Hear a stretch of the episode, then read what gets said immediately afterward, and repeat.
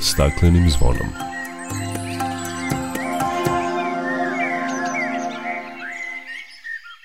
Dobar dan, dobrodošli na Zeleni talas prvog programa radija Radio Televizije Vojvodine. Ja sam Dragana Ratković. Elektromobilnost ima veliku ulogu u smanjenju zagađenja, pa iz godine u godinu raste broj električnih vozila u svetu i za to je potrebno bezbediti potrebnu infrastrukturu.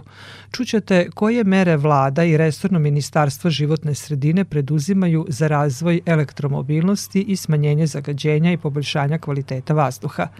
Kada je reč o gazdovanju i seči šuma u Nacionalnom parku Fruška Gora, ekolozi i šumari imaju sasvim suprotna gledišta. Čućete i šta o tome kažu predstavnici Nacionalnog parka, udruženja i šumarske struke koji su bili gosti Radio Novog Sada. Govorit ćemo i o kampanji Udruženja inženjeri zaštite životne sredine kojom žele da motivišu građane da se svojim predlozima aktivno uključe u kreiranje politike zaštite životne sredine u Novom Sadu, kao i o tome kako je rešen status Prirodnjačkog muzeja kome je pretilo gašenje.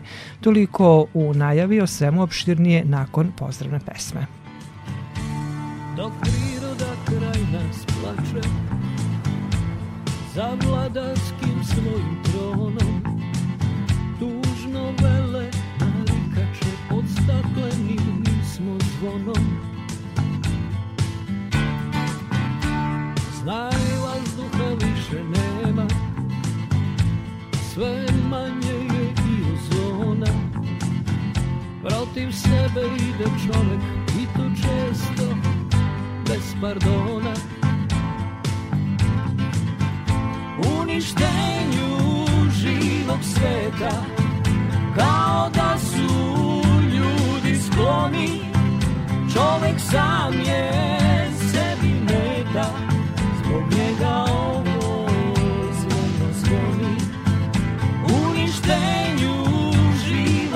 sveta Kao da su ljudi skloni Čovek sam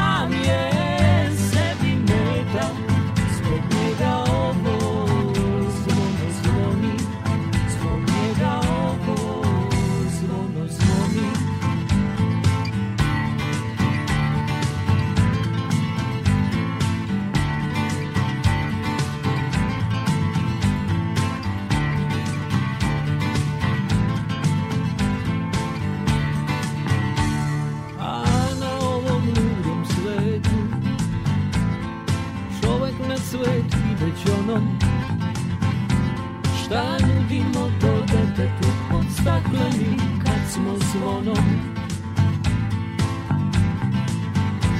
Uništenju živog sveta Kao da su ljudi skloni. Čovek sam je sebi meta Zbog njega ovo zvono zvoni. Uništenju živog sveta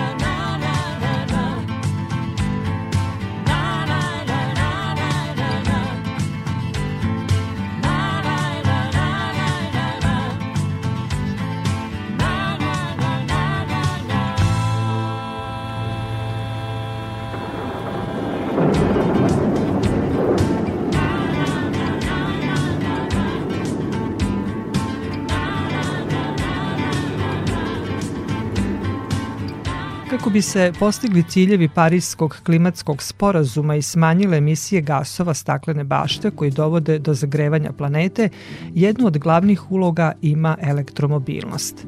Procenjuje se da će do 2030. godine biti potrebno čak 350 miliona električnih vozila u saobraćaju i zato se predviđa brz razvoj automobilske industrije.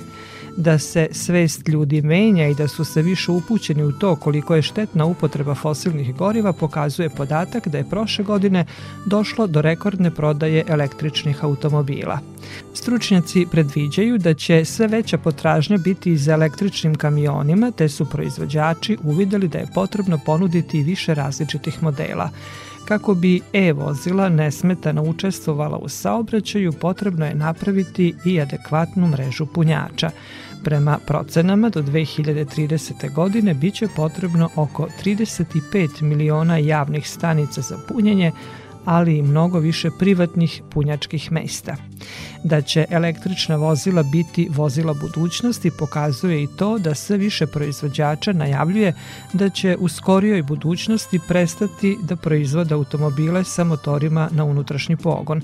Tako je britanski proizvođač automobila Jaguar najavio da će do 2025. godine svi njihovi modeli biti na električni pogon, dok je Ford najavio da će do 2030. dve trećine prodatih vozila u Evropi biti na električni i hibridni pogon, a nakon toga u ponudi će imati samo električne vozila. I mi pratimo aktualne dešavanja na tom polju. Naime, protekle sedmice otvoren je Centar za prikupljanje i obradu podataka o saobraćaju na autoputevima u Srbiji na naplatnoj stanici Beograd u Vrčinu. Centar će povećati bezbednost učesnika u saobraćaju i doprineti zaštiti životne sredine, izjavila je prilikom obilaska centra premijerka Ana Brnabić. Ona je iskoristila priliku da proveri i kako radi punjač za električne automobile koji se nalazi iza naplatne rampe u Vrčinu iz pravca Niš-Beograd. Prema njenim rečima, trenutno imamo osam punjača na autoputevima u Srbiji, a budžetom za ovu godinu predviđeno je još 10, a po gradovima i opštinama u Srbiji ima ih oko 90.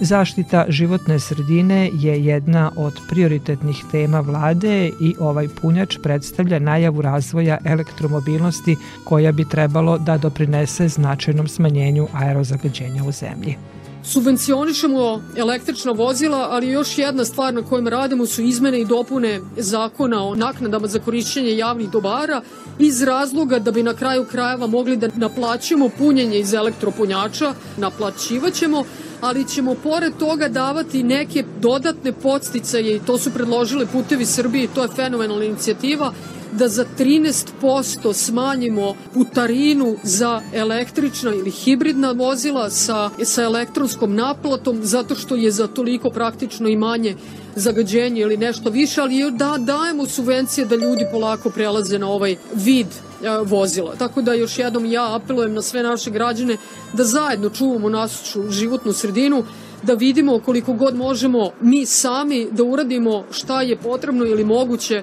uraditi, a da smanjimo u svakom smislu zagađenje u Republici Srbiji. Davanjem subvencija za kupovinu električnih i hibridnih vozila kao izgradnjom neophodne prateće infrastrukture, građani se podstiču na kupovinu ekološki čistijih vozila što će smanjiti zagađenje vazduha. Interesovanje građana i autokuća za kupovinu takvih vozila je veliko, izjavila je ministarka zaštite životne sredine Irena Vujović koja je zajedno sa premijerkom obišla centar. Ja i ovom prilikom pozivam građane da se prijave. Do sada u Srbiji imamo oko 4000 elektro i hibrid vozila i svakako da je neka procena da će do 2025. godine u Evropi svako treće vozilo biti na električni pogon. I to je taj standard kome mi težimo u Srbiji i nadam se da će e, biti još veći odziv u narednom periodu.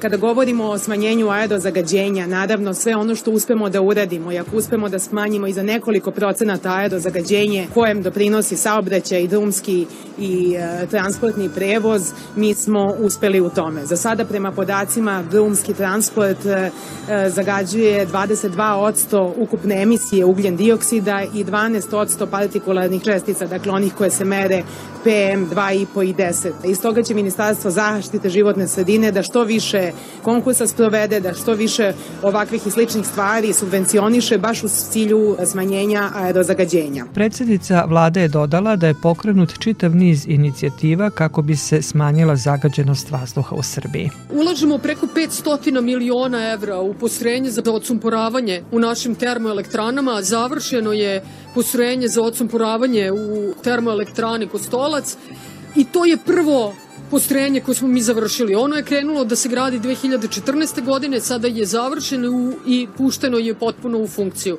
Pored toga smo krenuli u izgradnju postrojenja za odsumporavanje u termoelektrani Nikola Tesla blok A, u termoelektrani Nikola Tesla blok B i to smo pustili 1. decembra u izgradnju. Insistiramo na gasifikaciji Srbije. 1. januara smo pustili praktično ovaj novi pravac Balkanski tok a onda insistiramo da se ubrza gacifikacija širom Srbije i da one kotlarnice u okviru sistema centralnog grejanja koje su do sada bile na mazut ili na ugalj prelaze polako na gas, negde gde ne može na gas, onda na biomasu i to će značajno u godinama pred nama smanjiti aerozagađenje. Vlada je prvi put izdvojila novac za smanjenje zagađenja vazduha koji je prisutan više od 30 godina i Ministarstvo zaštite životne sredine preduzima mere kako bi se poboljšao kvalitet vazduha, navodi ministarka Irena Vujović. Upravo su i završeni konkursi za zamenu kotlarnica fizičkih i pravnih lica, takođe za pošumljavanje i za zamenu individualnih ložišta. Za zamenu kotlarnica pravnih e, lica se javilo preko 30 gradova, takođe isto toliko i za pošumljavanje i za zamenu u domaćinstvima kotlarnica 8 gradova. U narednim danima komisija će pregledati sve ponude i možemo da očekujemo za nekih desetak dana potpisivanje prvih ugovora sa jedinicama lokalnih samouprava. Ono što je izuzetno važno jeste da su jedinice lokalne samouprave koje imaju problem sa aerozagađenjem su upravo javile na ovaj konkurs i nadam se da će sve to biti realizovano u skladu sa svim zakonima i propisima.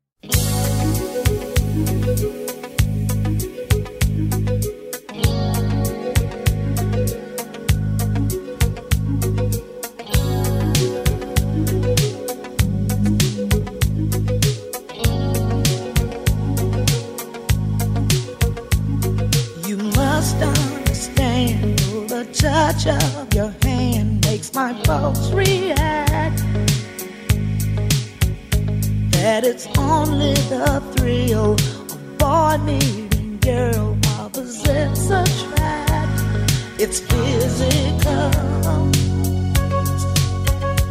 only logical. You must try to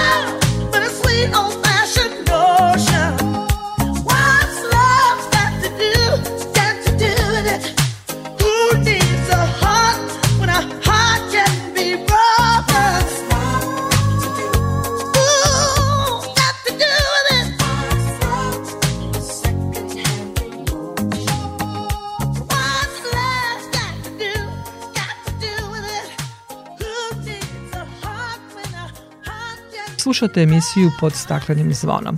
Seča stabala u šumi na Velikom Radanovcu i Paliću u okolini Subotice rastužila je mnoge ljubitelje prirode. U javnom preduzeću Vojvodina šume kažu da je reč o planiranom i ekološki opravdanom postupku koji prati i obnova novim sadnicama. Šumski pojas oko Subotice je tanušan i slabo štiti grad od vetrova i nadiranja peska, a zbog saobraćaja i individualnih ložišta vazduh je zagađen. Zbog toga Subotičani informacije o seči uvek doživljavaju kao udar na kvalitet života u gradu, izjavio je za list politika izvršni direktor za šumarstvo, ekologiju i razvoj u javnom preduzeću Vojvodina šume Marko Marinković. Krajnji cilj gazdovanja šumama jeste stabilna i vitalna šuma, a takva je i ekonomski vredna. Da bismo je imali, moramo stare obnavljati blagovremeno, što podrazumeva i seču obnove, kaže Marinković. Kada je reč o gazdovanju šumama, seči šuma, ekolozi i šumari imaju sasvim suprotna gledišta. Najbolji primer za to je i priča o gazdovanju šumama u Nacionalnom parku Fruška Gora. Ekološka udruženja ukazuju na prekomernu seču šuma na Fruškoj gori, dok šumari to pravdaju planskom sečom ili sečom obnove. Tim povodom u programu Radio Novog Sada ugostili smo predstavnika Nacionalnog parka Fruška gora, ekološkog udruženja, ali predstavnika šumarske struke. U javnom preduzeću Nacionalni park Fruška gora kažu da je Nacionalni park u nadležnosti Republike i ima svoje redovne planske aktivnosti koje su precizno definisane zakonom i podzakonskim aktima. Postoje planska dokumenta kao što su osnova za gazdovanje šumama u svim nacionalnim parkovima i drugim zaštićenim područjima, pa tako i u Nacionalnom parku Fruška Gora, čije sprovođenje nadgledaju razne inspekcije i ministarstva. Tim dokumentima propisane su lokacije i količina na kojima će se obaviti seča, ali i gde i kada će se pošumljavati, gde se ide na prirodnu obnovu, a gde će se popunjavati sadnicama i sl. Prema rečima rukovodioca čuvarske službe u javnom preduzeću Nacionalni park Fruška Gora Dragana Vidovića, u upravljanju i gazdovanju šumama poštuju se mnogobrojni zakoni, tako da on ne zna odakle informacije da je seča u Nacionalnom parku prekomerna pre neku deceniju je ona bila mnogo obimnija i mnogo veća u odnosu na prethodni period i da smo mi prošle godine, tako reći kao javno preduzeće, isekli minimalno čak nije ni ispunjen kompletan plan seča koji je dostavljen upravi za šume i koje je ministarstvo verifikovalo i pregledalo i usvojilo. Tako reći jedna četvrtina Fruške gore pripala Srpskoj pravoslavnoj crkvi i eparhiji Sremskoj koja preko svojih manastira i privatnih preduzeća gazduje i upravlja šumama u zaštićenom području. Tu su i mnogobrojni šumski vlasnici, privatni šumovlasnici u svim tim 57 naseljenih mesta, a isto tako imamo i šumsku zajednicu iz Beočina koja ima praktično svoje privatne šume od 300 hektara koji takođe vrše te radove u skladu sa planskim dokumentima. Kada se radi o privatnim šumama i privatnim šumovlasnicima, to je program gazdovanja i upravljanja privatnim šumama, a za državne šume i za ove veće posede kao što je manastirske šume se izrađuju osnove za gazdovanje šumom.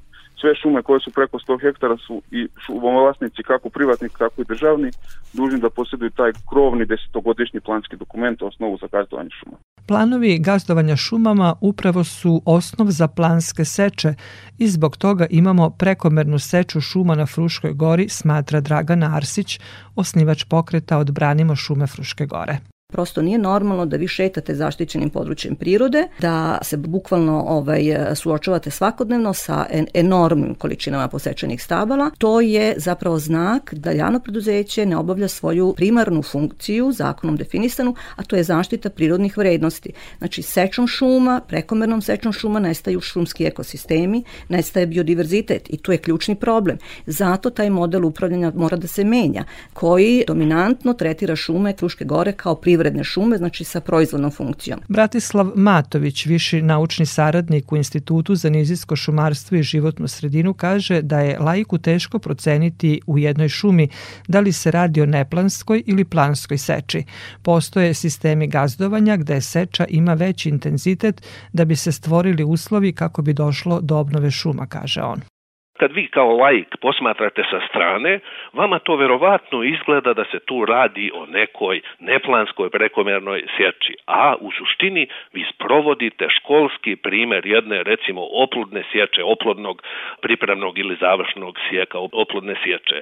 Iz tog razloga ja veoma poštujem e, stavove e, ljudi iz različitih ekoloških udruženja, ali nažalost često njihovo nepoznavanje elementarnih procesa u gazdovanju šumama predstavlja jedan dodatni problem što na neki način neke standardne pojave koje se sprovede u gazdovanju šumama se predstavljaju javnosti kao da kažemo neke spektakularne situacije najčešće izražene kroz neplanske sječe, krađe i tako dalje. Šume Fruške gore su u zaštićenom području i zato one imaju poseban značaj dodaje Dragana Arsić. Fruška gora je jako značajna u Vojvodini i seča šuma je jako bitna aktivnost pošto su to postojeće šume i to su šume zaštićenog područja prirode, znači to su šume sa posebnom namenom, to nisu privredne šume. Tako da je aktivnost očuvanja takvih šuma pre svega prioritetna aktivnost. Bratislav Matović navodi primer Švarcvalda u Nemačkoj kao ogromnog kompleksa šuma od nekoliko stotina hiljada hektara koje su u nekom vidu pod zaštitom, bilo da su nacionalni parkovi ili parkovi prirode. U tim šumama se regularno sprovode seče u skladu sa planskim dokumentima. Sama seča nema samo funkciju iskorišćavanja šuma. Ona je u šumarstvu jako važna s aspekta nege i obnove šuma, objašnjava Matović. Onaj osnovni problem koji mi imamo, koji se odnosi na Frušku goru, jeste što mi na neki način na Fruškoj gori imamo izrazito veliko učešće izdanačkih šuma. Njih je preko 80%. Gazdovanje tim šumama postaje još kompleksnije. To su e, šume e, koje bi mi u nekom budućem vremenu trebali da prevedemo u viši uzgojni oblik. Da sad faktički od izdanačkih šuma napravimo prave e, semenske prirodne šume. To je jedan vrlo komplikovan, da kažemo, proces. Dodatni problem u šumama Fruške gore jeste što su one na neki način prilično prezrele, prestarale, da obnoviti takve šume, naročito te, te dvije najvažnije vrste drveća, kao što su hrast kitnja, kao što je bukva, je vrlo kompleksan i složen posao. Da bi povećali šumovitost, ali i obnovili šume na Fruškoj gori povodom 60 godina postojanja nacionalnog parka, organizovana je velika akcija pošumljavanja, kaže Dragan Vidović. Pa u vremenu kada taj opšti značaj šuma dolazi do sve većeg izražaja, mi smo izvršili jednu od akcija pošumljavanja i simbolično u svrhe proglašenja našeg rođendana od 60 godina postojanja zasadili 60.000 sadnih. Radilo se od autoktonim vrstama hrasta bukve i nešto oko topole u priobalnim delovima. Područje nacionalnog parka Fruška gora pripada najšumovitijim delovima Vojvodine. Čak 90% procenata površine nacionalnog parka Fruška Gora je pod šumskih ekosistema i nema tih nekih značajnih površina kako bi mi izvršili neko veće pošumljavanje ili podigli tu pošumljenost same Vojvodine. Tačno je da nema dovoljno prostora za dodatno pošumljavanje, ali postoje lokacije koje su devastirane, koje su zaparložene i to su potencijalne površine za pošumljavanje, kaže Dragana Arsić i dodaje da aktivisti pokreta Odbranimo šume Fruške gore nisu učestvovali ni u egzitovoj ni u akciji pošumljavanja nacionalnog parka, ali će učestvovati kada to budu redovne aktivnosti i kada budu pozvani. Građani su željni akcija pošumljavanja, stvarno nema ništa lepše nego posaditi drvo. Ali mi želimo da to budu redovne aktivnosti. Poenta je da se redovno upravlja i gazduje šumama i pošumljava i neguje i održava, a da se smanji, smanji obim seča. U Nacionalnom parku Fruška Gora najavljuju da će na jesen zajedno sa volonterima i ekološkim udruženjima nastaviti akciju pošumljavanja i popunjavanja površina sadnicama kako bi obnovili šume Fruške Gore. Bilo bi dobro da se nađe zajednički jezik i šumara i ekologa i da zajedničkim akcijama očuvamo i unapredimo šume Fruške Gore.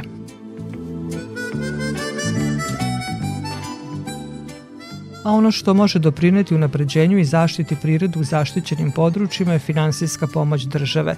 Vlada Srbije donela je uredbu na osnovu koje će u ovoj godini biti raspoređeno i korišćeno oko 265 miliona dinara za subvencionisanje zaštićenih prirodnih dobara od nacionalnog interesa. To praktično znači da će država ovaj novac izdvojiti za finansiranje radova i drugih programa za očuvanje pet nacionalnih parkova Fruške gore, Tare, Đerdapa, Kopaunika, Šar planine, ali i Prokletija koje su u postupku dobijanja ovog statusa kao i nekoliko zaštićenih područja čija je zaštita proglašena posebnim dokumentima i zakonima. Pored toga, deo novca je namenjen i za finansiranje zarada zaposlenih u preduzećima koja vode računa o ovim prirodnim resursima. Ovom uredbom država želi da pomogne nacionalnim parkovima i područjima koja su pod posebnom zaštitom da se stanje u ovim izuzetno dragocenim resursima očuva i unapredi.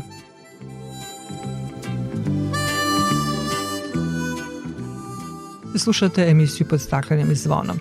Banat je najmanje pošumljeno područje na teritoriji cele Srbije i to je razlog što se na području grada Zrenjanina realizuje projekat za sadi drvo koji je podržan i od strane pokrajinskih institucija. Više o tome Jelena Milićević. Volonteri i građani započeli su sadnju drveća u spomen parku na Bagljašu. To je samo jedan deo sadnica koje će biti posađene u ovom delu grada, kaže gradonačelnik Zrenjanina Simo Salapura. U saradnji sa našim odeljenjima tražimo lokacije, identifikujemo lokacije gde je najbitnije da se sada uradi sadnja. Mi smo na nekoliko konkursa poslali naše aplikacije e, gde smo takođe aplicirali za uređenje i sanaciju naših parkova koji su već postojeći. Akcije ozelenjavanja u Zrenjaninu su u poslednje vreme sve učestalije, a inicijatori su često građani. Međutim, standardi moraju da se poštuju, tvrdi Aleksandra Agezin iz javnog preduzeća Čistoća i zelenilo. Standardi postoje, vrste postoje, traže se vrste koje neće biti agresivne, izbegavamo sibirski brest koji je inače zabranjen, bagrem i tako dalje. Znači sada u zadnje vreme jako vodimo računa o tome gde ćemo što saditi i gledamo po prioritetu da sada negde sam centar grada, odnosno ulice koje su oko samog centra, na, prvobitno rehabilitujemo i ovaj, iznova ako treba podignemo drvorede i onda krećemo dalje. 300 sadnica dolazi iz javnog preduzeća Vojvodina šume kao donacija gradu Zrenjaninu. U protekle dve godine posađeno je preko 20.000 sadnica na teritoriji grada Zrenjanina i seoskih sredina.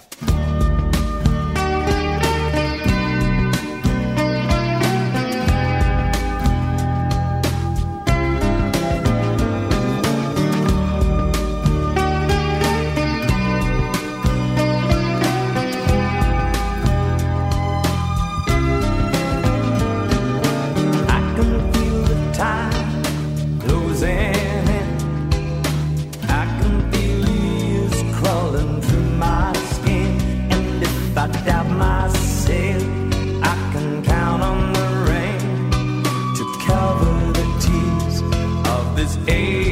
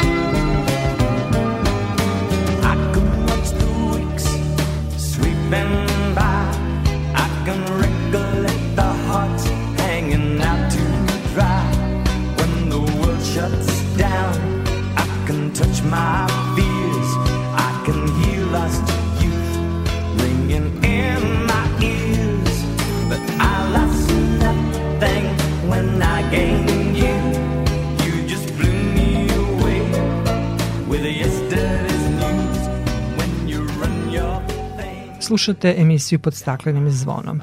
U Novom Sadu danas se završava kampanja Udruženja inženjeri zaštite životne sredine kojom žele da motivišu građane da se aktivno uključe u kreiranje politike zaštite životne sredine.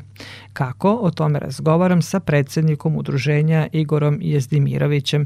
Igore, dobrodošli na Zeleni talas Radio Novog Sada. Dobar dan i bolje vas naš. Igore, o kakvoj kampanji se radi? Inženjeri zaštite životne sredine već više od pet godina prate budžetski fond za zaštitu životne sredine koji građani, ali sad u zadnje vreme isključivo privreda, pune, tačnije doprinose da se ta sredstva prikupe i onda gledamo na koji način su ta prikupljena sredstva utrošena. Ono što je naša stavka jeste da smatramo da s obzirom da privreda i građani učestvuju u punjenju tog budžetskog fonda za životnu sredinu i da je životna sredina nešto što se svih nas tiče, je bilo neophodno obezbediti mehanizam koji će na jednostavan način omogućiti građanima da daju svoje sugestije i predloge za rešavanje dva ključna segmenta za, kažem, za koja se potroše sredstva iz budžetskog fonda za životnu sredinu. Jedan od tih segmenta je čišće i saniranje javnih površina, što bi u naj, onom prostijem delu značilo uklanjanje divljih deponija, a sa druge strane jeste očuvanje i napređenje zelenila na javnim površinama. To bi značilo da se zelene površine koje u gradu postoje jednim dobrim delom obnavljaju i sasadi se rade upravo kroz ekološki dinar. Tako da kroz aplikaciju, tačnije kroz sajt nsecodinar.rs i mapu na koja se na njemu nalazi, osmislili smo način na koji građani mogu kroz jednostavan i brz par klikova i par reči da daju svoj predlog koje to površine treba očistiti u gradu, skrenu pažnju na to zašto te lokacije prljave, pošaljaju sliku i kratak opis šta bi ne žele da toj lokaciji uradi ili s druge strane da kažu koje to zelene površine treba da se urede, obnove ili posade. Tako da kroz ovaj alat e, nam je ideja da upravo građani sa jedne strane na jednostavan način mogu da daju svoje predloge, a da druga strana ono što ćemo mi uraditi, sve te predloge skupimo i predamo gradskoj upravi za zaštitu životne sredine, kako bi oni kao organ grada Novog Sada koji upravlja budžetskim fondom za životnu sredinu mogli da sagledaju realnost tih potreba koje građani imaju i ono što ćemo mi raditi, nadamo se da će ih usvojiti i uvrstiti u svoje aktivnosti, tačnije da će ti predlozi koje građane daju biti i sprovedeni. Igore, za koju kategoriju najviše predloga je stiglo? Ujednačeno je, znači imamo predloge koje se odnose na uređenje zelenih površina i na čišćenje divljih deponija, prednjače malo za uređenje zelenih površina, ali ima i dosta divljih deponija koje se predlažu da se očiste. Tako da uređenje zelenih površina je bukvalno po celom gradu, ono što je interesantno jeste da jedan deo kod Klise, kod čuvene najlon pijace isto predložen za čišćenje divlje deponije koje tamo postoji, isto tako što se tiče zelenih površina, dosta su one na obali Dunava, ali isto tako i deo koji se tiče čišćenja divljih deponija, tako da kada svako od nas može da ode na NSE dinari na mapu i da vidi koji su to predlozi, a početkom marta će imati priliku i da se izglasa, tačno da građani daju saglasnost ili da se opredele koja bi to dva predloga iz jedne i iz druge oblasti bila najurgentnija da se reše.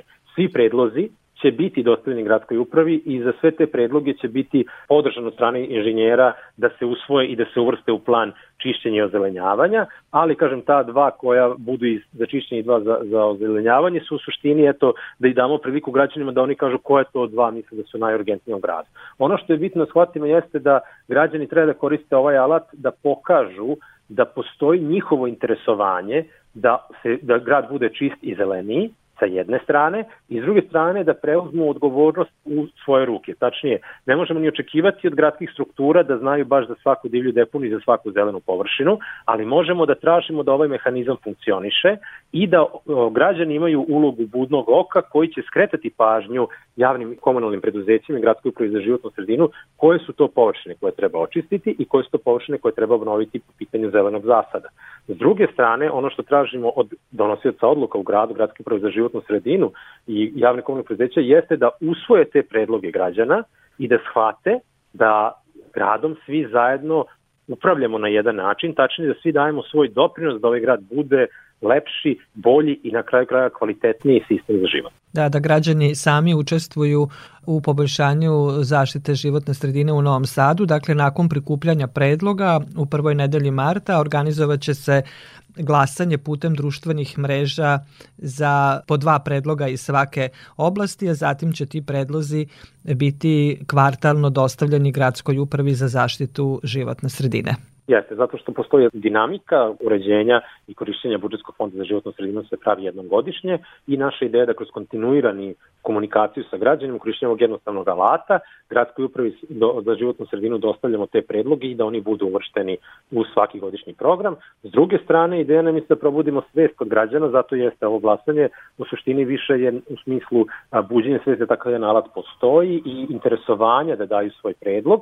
Svi predlozi, kao što sam rekao, će biti poslati i za sve ćemo se zalagati da budu isvojeni, a s druge strane ono što nam je bitno je da shvatimo da treba građani da se uključe aktivno u davanje doprinosa ako misle da se to nešto promeni. Jer vidite ovako, trenutan sistem ne funkcioniše dobro u smislu. Bilo ko ko napravi divlju deponiju, on ne plati za čišćenje te deponije, nego je platimo svi mi tako što gradska čistoća kada to očisti, fakturiše budžetskom fondu za životnu sredinu negde oko 2500 eura po toni. To je prvo jako veliki iznos, a s druge strane ono što jeste problematika što bukvalno sistem nije omogućio da onaj ko zaprlja i ko baci i napravi divlju deponiju plati za njeno čišćenje, već plaćamo svi mi za nemar pojedinca. Takav sistem treba da se promeni, da bi se takav sistem promenio, građani moraju da razumeju koliko je skupo degradacija životne sredine i zašto je neophodno da svako od nas shvati da ljubav prema ovom gradu se ogleda ne samo u rečima, nego upravo u tome da otpad ne bacamo da ne treba, da ne uništavamo zelene pojaseve, da, da pokušamo da ispred svoje zgrade bude čisto i da po mogućstvu očuvamo ili čak i zasadimo neko zelenilo koje će nam svima doprineti. Igore, da li ste o ovoj vašoj kampanji imali kontakt sa gradskim vlastima? Naravno, u ovoj kampanji smo informisali Gradsku upravu za životnu sredinu, članicu Veća za zaštitu životne sredine, javno komunalno preduzeće, jer upravo nam je to i jeste želja. Znači, ovaj deo upravljanja životnom sredinom nije mandat samo onoga ko trenutno vrši određene funkcije, javne funkcije, to je mandat svih građana i mora da postoji komunikacija. Ta komunikacija negde ide bolje, negde ide lošije. Definitivno smo videli neke pozitivne pomake po pitanju upravljanja budžetskim fondom za životnu sredinu, to je ova skorašnja javna rasprava koja se desila. Ja mislim da je to prvi put da se desilo da Gradska uprava za život sredinu pozvala udruženja da daju konkretno komentare na predlog jednog pravilnika za potrošnju budžetskog fonda za životnu sredinu. U pitanju je ovaj deo budžetskog fonda koji će biti utrošen za nabavku biciklova za građane i mislim da je to fenomenalna praksa jer upravo to pokazuje da se razume potreba da svi zajednički doprinesemo očuvanju životne sredine s jedne strane, a s druge strane menja se način upravljanja budžetskim fondom za život sredinu u pozitivnom i participativnom smislu i naravno od onoga što je do sad bila najveći deo budžetskih fondova odlazi upravo čišćenje divljih deponija i na nove zelene površine, počinje da se shvata životna sredina na drugi način, u ovom slučaju na unapređenje saobraćajne infrastrukture i pomeranje od vozila ka biciklom. Igore, hvala lepo za razgovor. Nadam se da će ova kampanja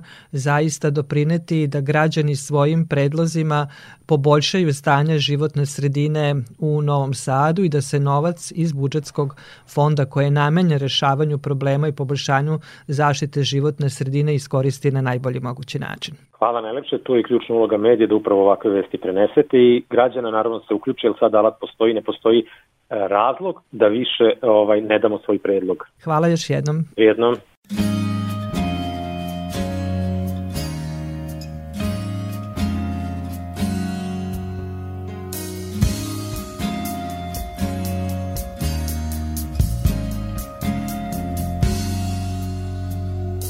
She heard a voice from so far away.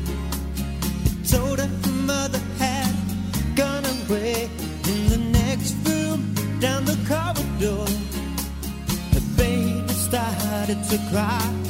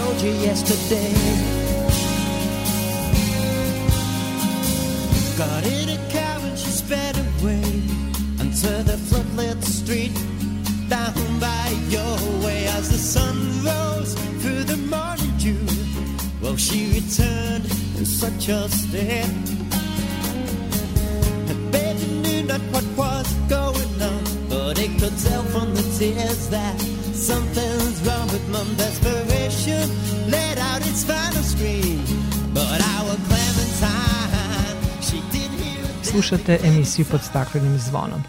Proteklih dana javnost je uzburkala vest da se Prirodnjački muzej gasi i da će postati deo Republičkog zavoda za zaštitu prirode. No, nakon sastanka ministarke kulture i informisanja Maje Gojković sa direktorom Prirodnjačkog muzeja Milanom Paunovićem, rečeno je da Prirodnjački muzej u Beogradu neće biti ugašen i da su plasirane lažne vesti u vezi daljeg statusa ove republičke ustanove kulture. Upravo tim povodom na telefonskoj liniji je direktor Prirodnjačkog muzeja Milan Paunović. Gospodine Paunoviću, dobrodošli na Zeleni talas Radio Novog Sada. Dobar dan, hvala što ste me pozvali. Na vašem sajtu objavljeno je saopštenje da ste nezvanično saznali da se planira ukidanje samostalnosti vaše institucije, koja ove godine slavi jubilej 125 godina od osnivanja i da je predviđeno prevođenje Prirodnjačkog muzeja u status radne jedinice Zavoda za zaštitu prirode. Recite nam tačno šta je prethodilo ovoj priči i kako je uopšte došlo da objavite ovako saopštenje. Negde krajem januara ja sam bio pozvan na jedan razgovor u ministarstvo gde nam je predočeno da se razmišlja o tome da se izmesti Prirodnjački muzej iz resora kulture u resor za zaštitu životne sredine. To je jedan bio kraći i ovaj interesantan razgovor gde sam ja iznao svoje mišljenje zašto to ne bi trebalo da bude tako i pomoćnik ministra s kojim sam razgovarao je rekao da će preneti te ideje koje sam ja ovaj iznao tu i tako se to završilo i mi smo očekivali dalje instrukcije šta i kako ovaj, po tom pitanju. Međutim, nismo dobili nikakve informacije, čekali smo ih, čekali, ovaj, on smo povremeno zvali. Na kraju prošle nedelje sam ja uputio i dopis gde sam tražio ovaj, razrešnjenje svega toga, međutim, Umeđu vremenu stizale su neke druge nezvanične informacije da se to razvije u nekom pravcu koji nije povoljan po ovoj Prinački muzej i onda smo na kraju izašli u javnost sa informacijom da postoji bojazan da se desi ta neka promena koja ne bi nam odgovarala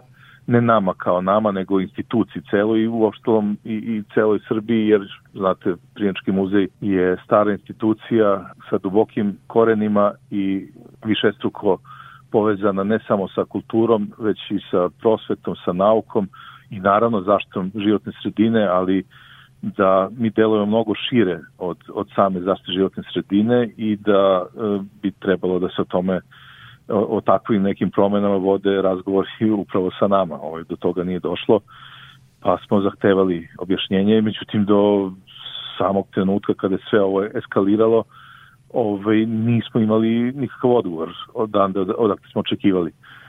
I na kraju, eto, pozvani smo na razgovor, otišli smo i praktično ovaj, ništa se nije desilo. Ostajemo u resoru u kojem jesmo, mi smo muzej i dalje ustanova Republička kulture koja se bavi muzejskom delatnošću, a nama su predmeti kulture iz prirode, i mi prikazujemo njih, proučavamo ih, brinemo se o njima, čuvamo dokumentaciju, kod nas se nalaze dokazi o ovoj bogatstvu prirode Srbije, okolnih zemalja, Evrope pa i sveta. To je ono što mi radimo i što nadamo se da ćemo raditi i dalje u ovakvom jednom samostalnom obliku, jer očigledno da je bio možda moguć, neka ovaj, ideja da se primeni model koji postoji upravo kod vas u Novom Sadu, a to je... Jeste, imamo u sklopu Pokrajinskog zavoda za zaštitu da, prirode prirodnjačku zbirku, da. Jeste, ovaj, međutim mi smo mnogo veći od prirodnjačke zbirke i imamo to mnogo više razvijeno nego što je to u Pokrajinskom zavodu sa pokrinjskim zavodom i, i sa njegovom zbirkom imamo jako dobre odnose i sa kolegama i svi se mi znamo praktično ali smatramo da, da bi to bilo nešto što bi sputavalo razvoj i dalje rad Prijenčkog muzeja. Dakle, Prirodnjački muzej u Beogradu neće biti ugašen. Ono što je problem, to je vaš smeštaj, ali i o tome je razgovarano na sastanku sa ministarkom. Jeste, jeste, zadovoljni smo što smo najzad od, iz ministarstva do, dobili informacije koje su vrlo opipljive. Postoji mnogo ideja o tome da je jedna vrlo konkretna, to je nova zgrada Prijenčkog muzeja u Parku prijateljstva, o tome Skupština grada Beograda donela izvesne odluke mi smo učestvovali, pitali su nas naravno, mi smo rekli ovaj, koliko nam prostora treba, kakav prostor treba da bude, kakva struktura prostora i to je ušlo u planska dokumenta.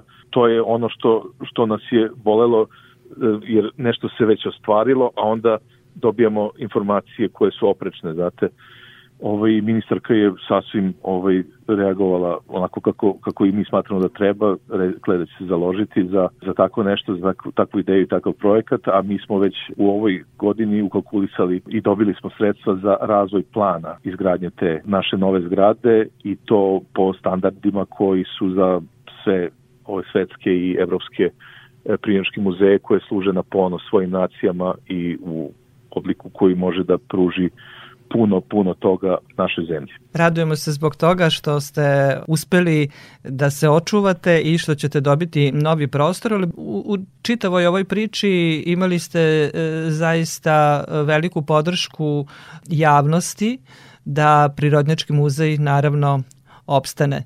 Jeste, to je jako važno reći i ja koristim ovu priliku da se zahvalim stvarno svima akademskoj zajednici, svim pojedincima, udruženjima, svima koji su nam pružili podršku, koji su dali potpise, koji su nas podržali i koji su zapravo naša verna publika, da se zahvalim za sve što su učinili za nas, da Prijonški muzej ostane i, i da jeste to što jeste i jako nam je drago i puno nam je srce zbog toga. Bilo bi lepo, evo za naše slušalce, možda neki nisu bili u Prirodnjačkom muzeju, da nas malo upoznate.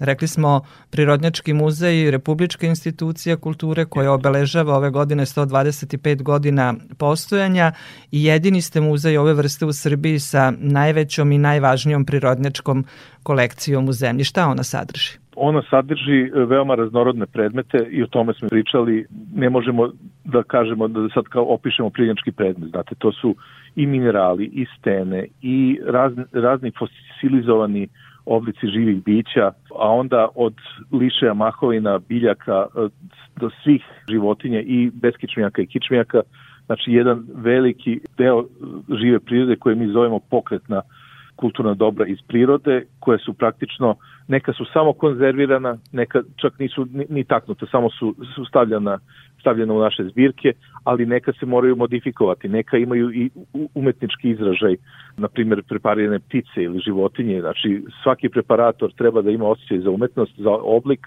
i treba da dočara tu životinju koja u tom trenutku jeste mrtva, ali e, da do, dočara životinju u nekom prirodnom pokretu i to je praktično ono što nas spaja sa umetnošću i sa kulturom, a sama priča o tim predmetima to je ono što je predmet nauke, jer mi moramo da iznosimo činjenice, ne možemo samo da prikazujemo predmete, nego publici moramo da govorimo o vrednosti, o značaju, o identitetu tog predmeta, zbog toga se mi bavimo i naukom. Samim tim što prikazujemo te predmete publici, mi se onda bavimo i edukacijom i prosvetom, znate, tako da Naravno, u svaki predmet ide i neka mala beseda i o ovaj o stepenu zaštite toga, tako da imamo vezi naravno i sa zaštitom prirode. Jeste, nismo samo kultura, ali nismo samo ni nauka, ni prosveta, ni zaštita, mi smo sve to i zbog toga smo jedinstveni i želimo da to ljudi tako i prihvate. Ustanova e, nacionalne prirodne baštine, ako tako možemo reći, tako. da li u skorije vreme pripremate neku izložbu? Jeste, evo sad trenutno je ovaj, na sceni kod nas u našoj Maleckoj galeriji na Kalemegdanu izložba o istorijatu muzeja. Tu se tačno može vidjeti kako je nastao muzej. Praktično muzej je nastao iz preteče univerziteta, iz velike škole, u onom trenutku kada je ta velika škola bila tesna za predmete. Evo, mi smo sada u ovoj zgradi koji je ovaj, zgrada prve Beogradske ženske gimnazije, gde je Desanka Maksimović išla u školu, koja nam je tesno, znate, ovde sve imamo ormare na ormarima, to, to ne može da se dočara ovako, zvukom može, treba ovaj, vizualno da se doživi, nekim zbirkama ne možemo da priđemo od, od ormara, od predmeta, jer e, sakupljamo i čuvamo sve što ova zemlja ima i imamo dokaze. Znate sad kako se priključujemo Europskoj uniji, približavamo se mi ovde imamo pipljive dokaze o prirodnom bogatstvu Srbije. Znate, i zbog toga je važno to čuvati i o tome pričati i vrednost Prijedničkog muzeja, mislim, je stvarno enormna i mi smo svesni toga, mi koji radimo ovde i zbog toga mi želimo da da to sačuvamo i da to bude na opštu korist svima, e, ne samo našem narodu, nego i celoj Evropi i evropskim narodima, a što se tiče narednih nekih izložbi imaćemo nekoliko manjih izložbi, jedna će biti o mineralima i, i o stenama, trajaće relativno kratko, onda se spremamo za jednu veliku izložbu o evoluciji, imamo otkriće ovaj najstarijeg fosilnog primata u Srbiji i to će biti povod za jednu jako lepu, interesantnu izložbu gde ćemo prikazati evoluciju čoveka, a do kraja godine bi trebalo da imamo jednu ovako, da kažem, primenjenu izložbu o kavijaru. Na primjer, do sad smo pričali o na primjer kafi, o čokoladi, o vinu, sad možemo da nešto ispričamo i o kavijaru. A pripremamo izložbe o srednjevekovom lečenju, o Hilandarskom kodeksu, pripremamo izložbu o leptirima Srbije, to ćemo tek narednih godina imati na repertoaru. Divno, mnoopšte zadovoljstvo, verujem, mnogobrojnih ljubitelja prirode i ovo je zaista bogat program za godinu u kojoj obeležavate 125 godina postojanja i nadam se da će mnogi shvatiti zbog čega je važno da sačuvamo Prirodnjački muzej. I mi se nadamo i želimo da pozovemo sve ljude koji mogu u ovakvim uslovima kakvi jesu u vreme ove pandemije da dođu i da, da vide šta imamo da im pokažemo, a mi ćemo koristiti i ove elektronske medije i društvene mreže da prikažemo e, te naše predmete koji jako dugo, ali sigurno stoje u našim zbirkama. Hvala vam lepo za razgovor. Molim.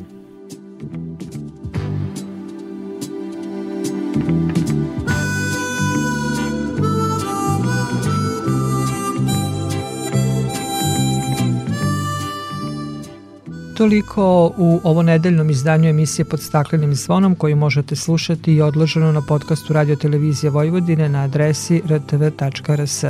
Na pažnji vam zahvaljuju Jovan Gajić, Zoran Gajinov i Dragana Ratković. Naredni susret zakazujemo za sedam dana u isto vreme na zelenom talasu prvog programa radija Radio Televizije Vojvodine. Thank